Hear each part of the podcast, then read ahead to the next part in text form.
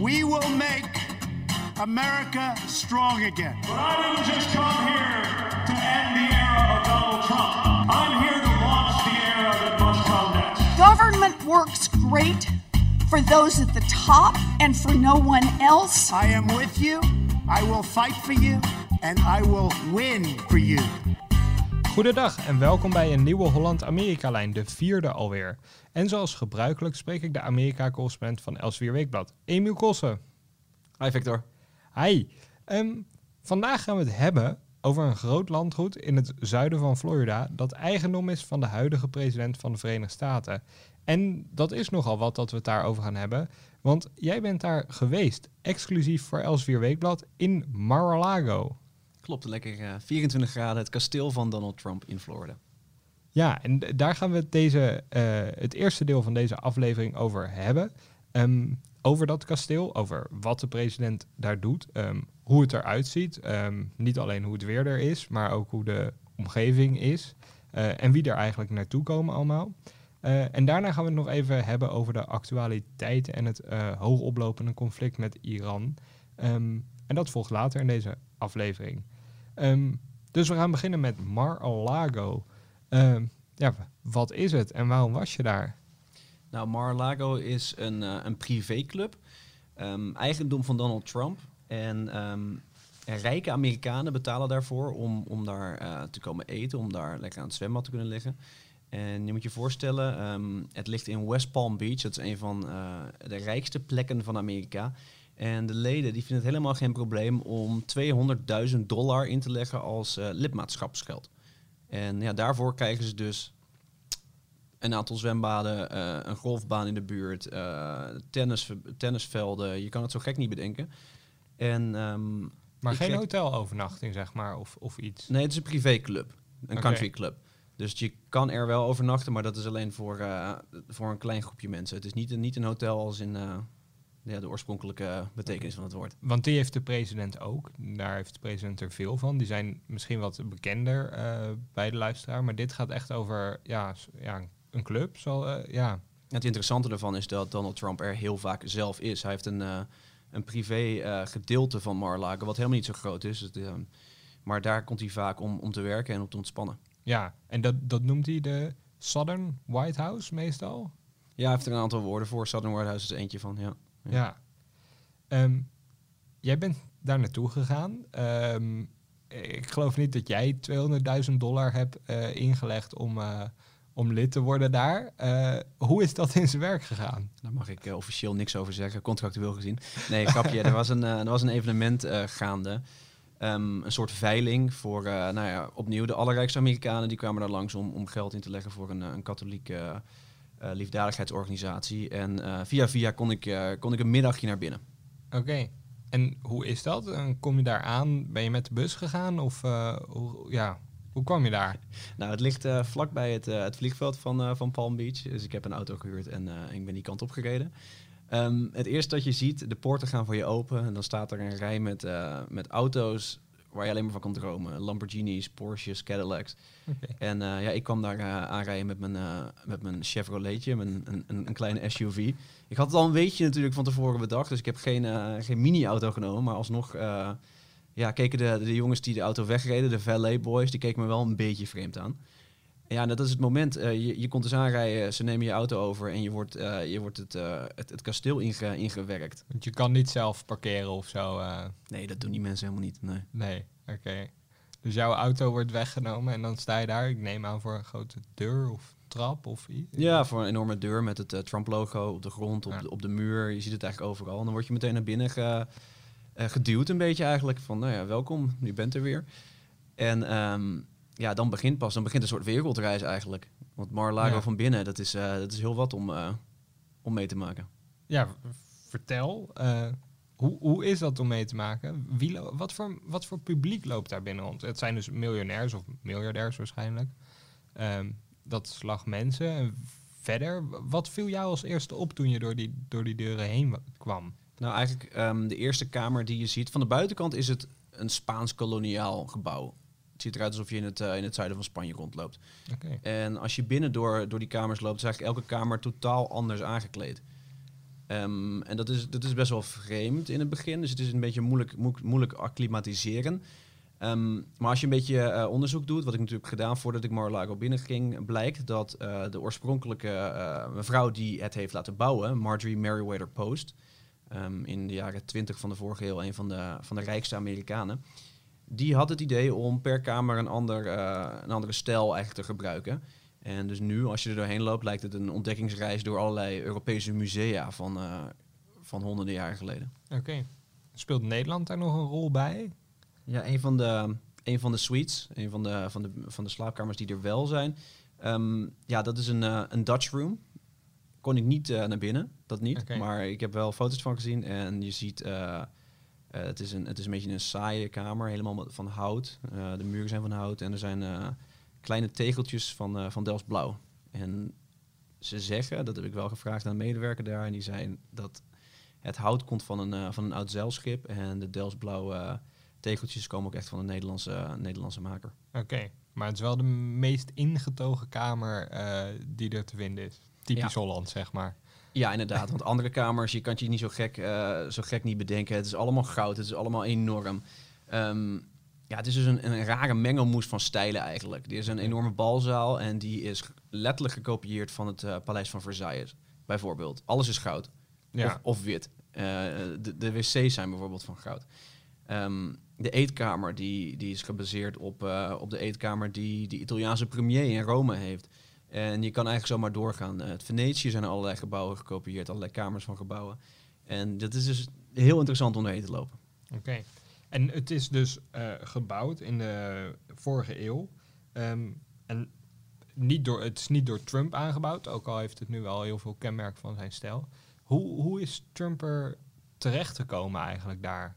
Nou, hij was natuurlijk al uh, rijk. In de jaren 70 en 80 hebben we het nu over. Um, hij was in West Palm Beach en uh, ja, dit landgoed stond een tijdje te koop omdat Marjorie Weatherwater Post um, was overleden en ze heeft het geprobeerd um, te geven aan de overheid. Als, okay. ja, als, als haar idee was dat het dan misschien een, uh, een presidentieel verblijf zou kunnen worden. Maar de overheid uh, destijds, Jimmy Carter, die vond de kosten veel te hoog, de, de onderhoudskosten. En het werd teruggegeven aan de familie van uh, Merriweather Post. En ja, zij wilden het, het verkopen en het lukte maar niet, totdat Trump langskwam. En wat je zegt, de stijl die je daar binnen ziet, binnen Mar-a-Lago, die, die komt eigenlijk heel erg overeen met Trumps voorkeuren. En um, toen Trump die voorkeuren, wat zijn dat? Veel goud? En, ja, alles uh, wat je verwacht. Ja, ja enorm, enorm over de top, uh, extravagant, veel goud, etc. Ja. Heel groot. En um, ja, dan, toen Trump uh, zag dat het te koop stond, heeft hij het voor een, uh, een relatief prikje opgekocht. Heeft er dus een club van gemaakt. Dat was het niet, het was gewoon een huis. En nu is het een van Trumps meest succesvolle ondernemingen. Ja, en dat, dat was het, dat is het nu, omdat hij president is, of dat was nee hoor, het dat al? was het daarvoor ook al. Ja. dit, was, dit werd de plek voor, um, ja, voor rijk West Palm Beach om, uh, om langs te komen, op, uh, vooral in het weekend, om, om zich te laten zien. Het is zien en gezien worden. Want jij vroeg ook, hoe zien die mensen eruit? Wat voor mensen lopen daar rond? Nou ja, je ziet van de buitenkant niet per se dat ze heel veel geld hebben, maar het, je ziet wel dat de mensen allemaal botox in hun gezicht hebben. Bijvoorbeeld, de meeste mensen zijn ver boven de 70, maar zien eruit alsof ze 40 zouden kunnen zijn. En nou ja, die auto's zag je dan, die, die, rij met dure auto's. En tegelijkertijd heb je het idee dat in Amerika de elite, het nieuwe geld, dat gaat toch iets anders met elkaar om dan, dan in Nederland. Er is weinig etiketten, want een van de eerste dingen die ik zag toen ik binnen was, waren mensen die hotdogs aan het eten waren aan het zwembad. Ah, Er stond, een, er stond een hotdograampje die, eh, die, eh, die hotdogs uitdeelde. Ja, nou ja, met, eh, met de hand eten dus. Ja, dat zie, dat zie je inderdaad, denk ik, in Nederlandse kringen. Ook niet zo snel. Ehm, niet dat ik daar ooit kom. Eh, ik ben hooguit ook één keer maar langs Mar-a-Lago gereden ehm, met de auto. Ik kon er niet naar binnen, zoals jij. Ehm, en dan voor de rest, is er wat te merken daarbinnen van dat, dat Trump nu president is? He- Heeft dat iets veranderd? Ja, eigenlijk alle leden die ik heb gesproken zeggen dat dat zo is. Niet per se dat heel veel leden ehm, hun lidmaatschap hebben opgezegd. Want het, het was destijds een mix van democraten en republikeinen. Ja, iedereen die geld had kon daar binnenkomen. En dat is nog steeds zo. Ehm, wat wel veranderd is, is dat veel van de evenementen die er nu worden georganiseerd heel erg pro-Trump zijn. Dus het evenement waar ik was, was ehm, een, eh, een benefietavond, een middag voor, eh, voor baby's die te vroeg geboren zijn. En die organisatie wil eigenlijk abortus voorkomen. Oké. Dus dat is al, dat is al een soort van conservatief eh, standpunt. En binnen in die zaal zag je allerlei, ehm, ja, allerlei eh, symbolen van Trump. Je zag een mevrouw in de, in de hoek die verkocht, eh, die verkocht handtasjes met eh, Make America Great Again kristallen erop. Voor heel veel geld, voor honderden dollars. En Oké. ehm, er liepen mensen rond met Trump shirts.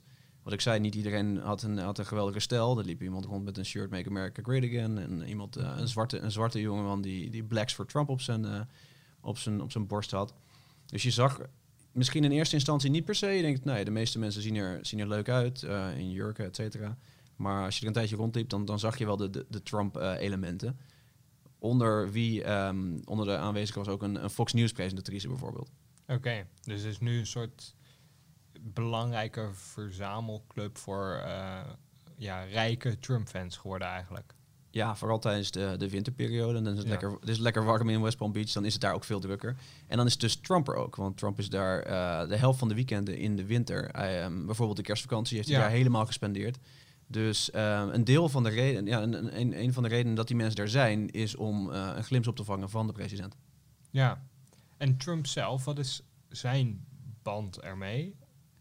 Hoe, hoe, want hij heeft het aangekocht en ja, hoe, hoe spreekt hij er zelf over? Hij zegt dat het een van zijn favoriete eh, plekken op aarde is. Het is een beetje een, een manier om te ontsnappen.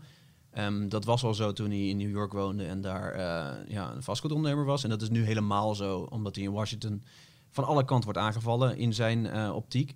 En ehm, ja, ik sprak erover met een van de, van de leden die al heel erg lang lid is, Tony Hall Kramer, een enorme fan van Trump.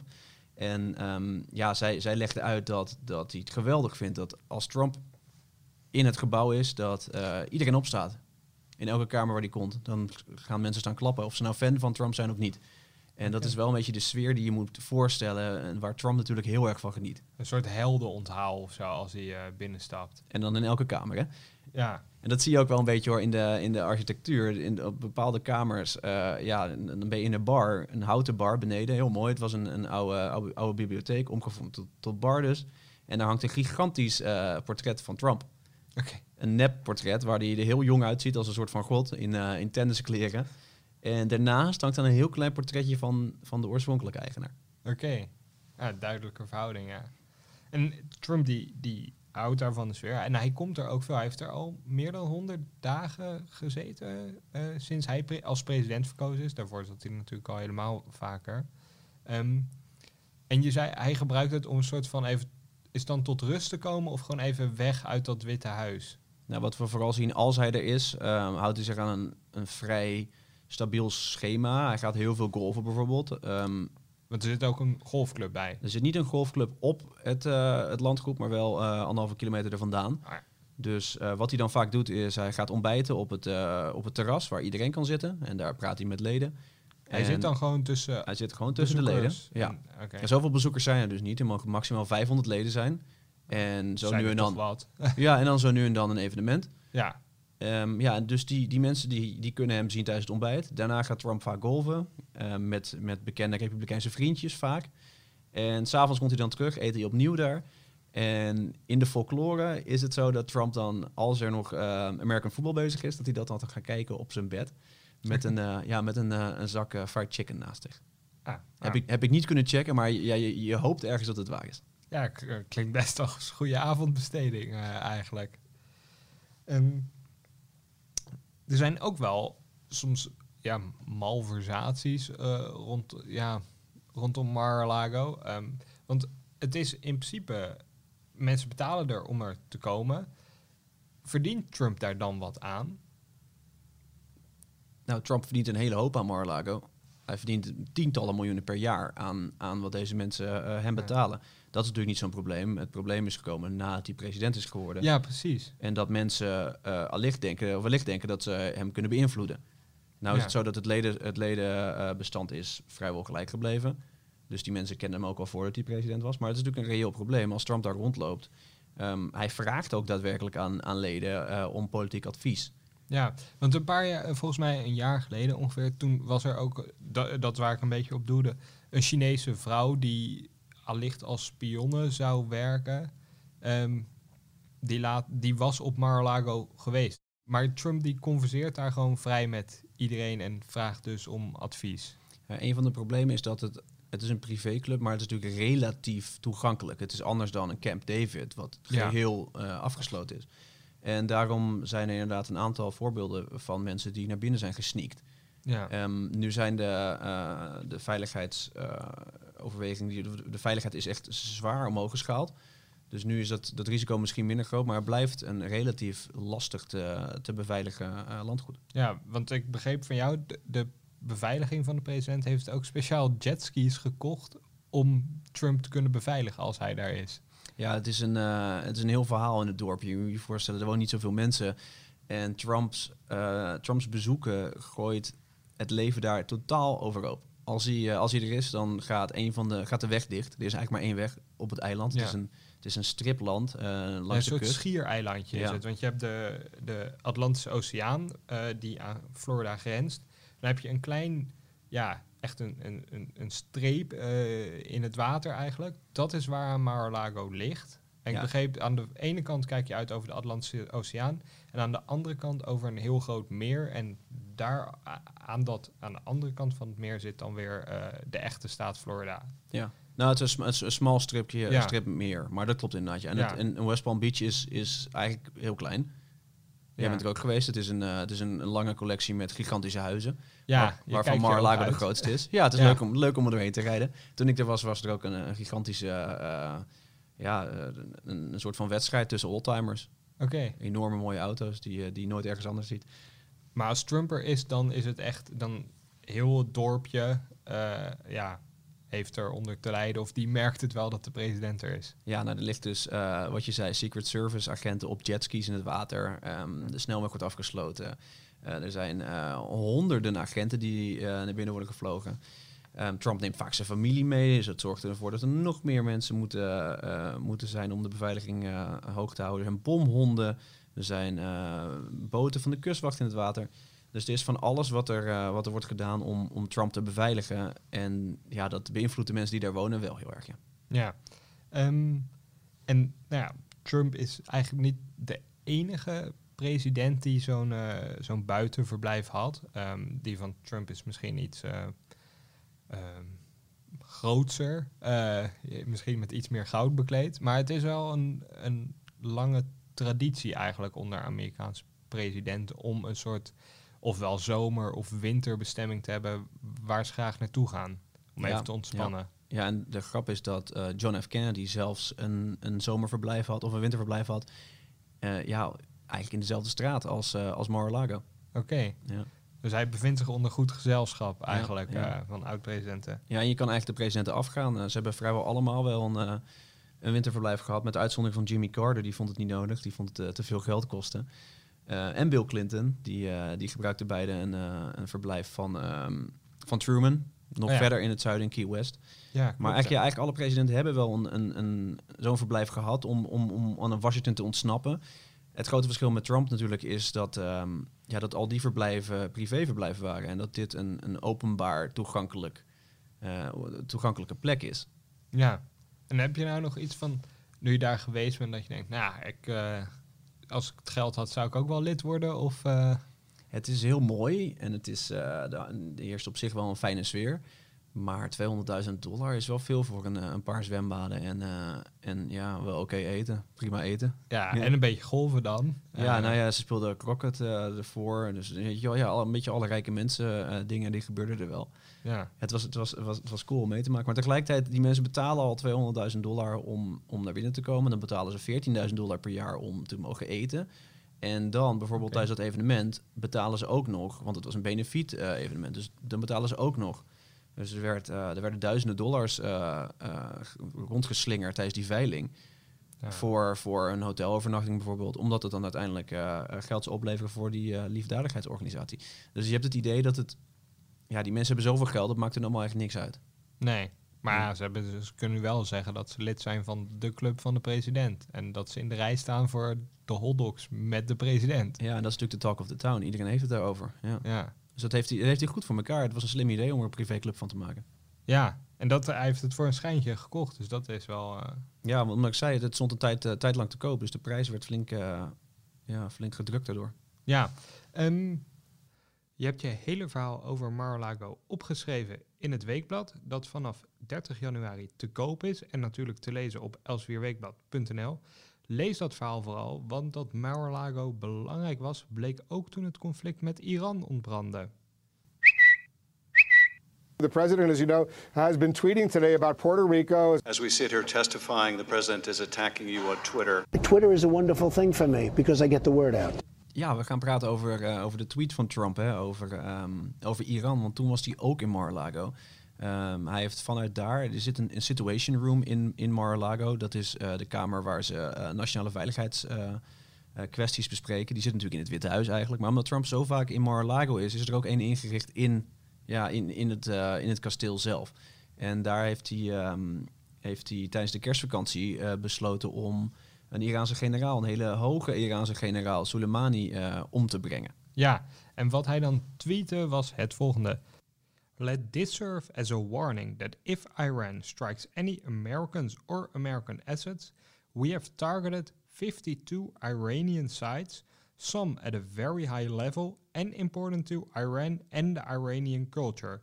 And those targets and Iran itself will be hit very fast and very hard. The USA wants no more threats.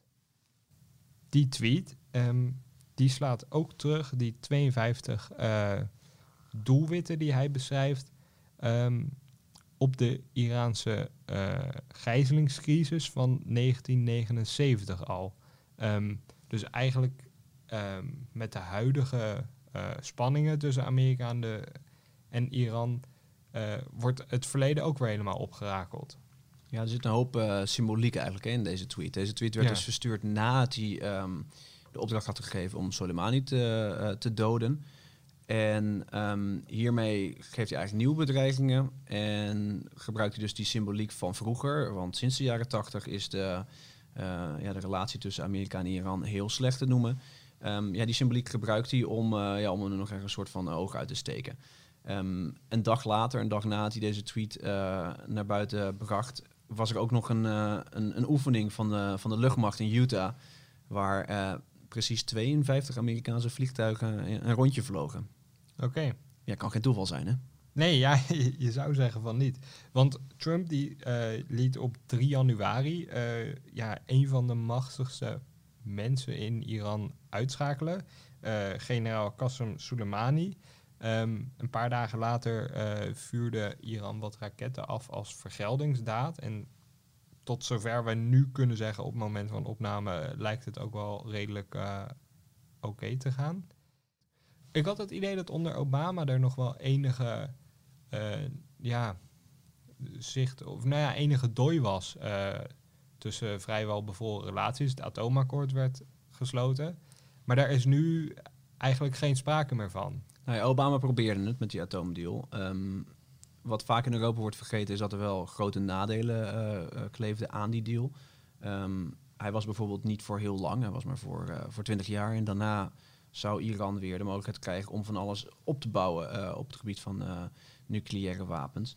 En ehm, in die nucleaire deal stond niks over eh, alle, alle andere daden die het, het islamitische regime uitvoert. Want Iran heeft een enorm netwerk aan ehm, rebellengroepen, terreurgroepen in de landen in het Midden-Oosten, waarmee het zijn eigen invloed probeert te vergroten. En dat stond niet in die deal. Ehm, nou ja, dat gebruikte Trump tijdens de campagne in 2016 als argument om die deal helemaal te schrappen. Dat heeft hij uiteindelijk ook gedaan. En ja, dat is een beetje eh, hoe we in deze cyclus terecht zijn gekomen. Want vanaf dat moment eh, ging het met de relatie alleen maar achteruit. Eh, Ja. Am- Amerika voert meer sancties in. Iran voert plaagstootjes uit. en, Af en toe en nog erger. van een tanker of een ja, Ja, ze, schieten, ze schieten drones neer, Ja. ehm, ze vallen ehm, olieinstallaties aan. Ehm, dus ja, dat, wat er gebeurde met Soleimani en daarna, dat past allemaal ehm, eigenlijk in een, in, een, in een verhaal dat we zien nadat Trump aan de macht is gekomen. En we weten Ja. natuurlijk niet, dit is een andere aanpak dan Obama. Eh, we weten natuurlijk niet hoe het eindigt. Want Trump is dus gewoon veel strenger op Iran. Hij, Hij- zit er veel dichter op, is veel Ja. feller. Hij hoopt eh, Iran op deze manier uiteindelijk naar de onderhandelingstafel te brengen. Grote risico is natuurlijk dat je, dat je stuit op een oorlog. Ja, want Trump wil uiteindelijk wel een... Ja, dat klinkt gek om te zeggen. Hij wil uiteindelijk wel een deal met Iran. Ondanks dat er toch wel wat schermutselingen zijn geweest nu. Ja, terwijl hij zegt niet precies wat die deal dan zou moeten inhouden. Nee. Maar in ieder geval eh, weer een stop op, eh, op de bouw van atoomwapens. En dan iets waardoor ehm, ja, die invloed van Iran in de regio eh, wordt verminderd. Oké. Ja, en de opbouw van ballistische raketten, want daar is Iran ook mee bezig. Er zijn een hele hoop dingen die dat regime doet, die wij in Europa ook niet oké vinden. Alleen, ja, het is afwachten of de manier waarop Trump dit nu aanvliegt, of dat de manier is, of dat dit Amerika eh, in een nieuwe oorlog brengt. Ja, want Trump die heeft de generaal, eh, die Soleimani is gedood. Er zijn raketten afgevuurd op onder meer een Amerikaanse legerbasis in Irak. Ehm, maar Trump die wil uiteindelijk, vermoed jij wel het liefst naar de onderhandelingstafel met, met Iran.